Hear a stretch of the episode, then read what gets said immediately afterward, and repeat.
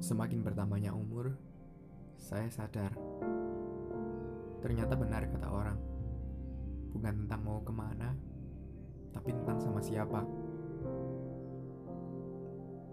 Saya nggak masalah kalau itu makan daging empuk dengan harga 500 ribu per porsi di restoran mewah. Atau sekedar hanya makan pecel lele, ditemani petikan suara gitar para pengamen kecil berumur 10 tahun di pinggir jalan.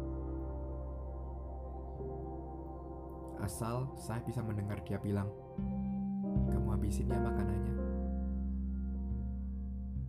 Saya juga tidak masalah minum kopi di balkon kafe ternama di mall atau hanya minum kopi hitam dengan pemandangan jalan raya ditambah tukang nasi goreng beserta pelanggannya yang antri. Asalkan bisa dengar ocehannya seharian ini tentang tugasnya yang menumpuk. Kecapean, tapi masih bela-belain keluar biar bisa minum kopi sama saya.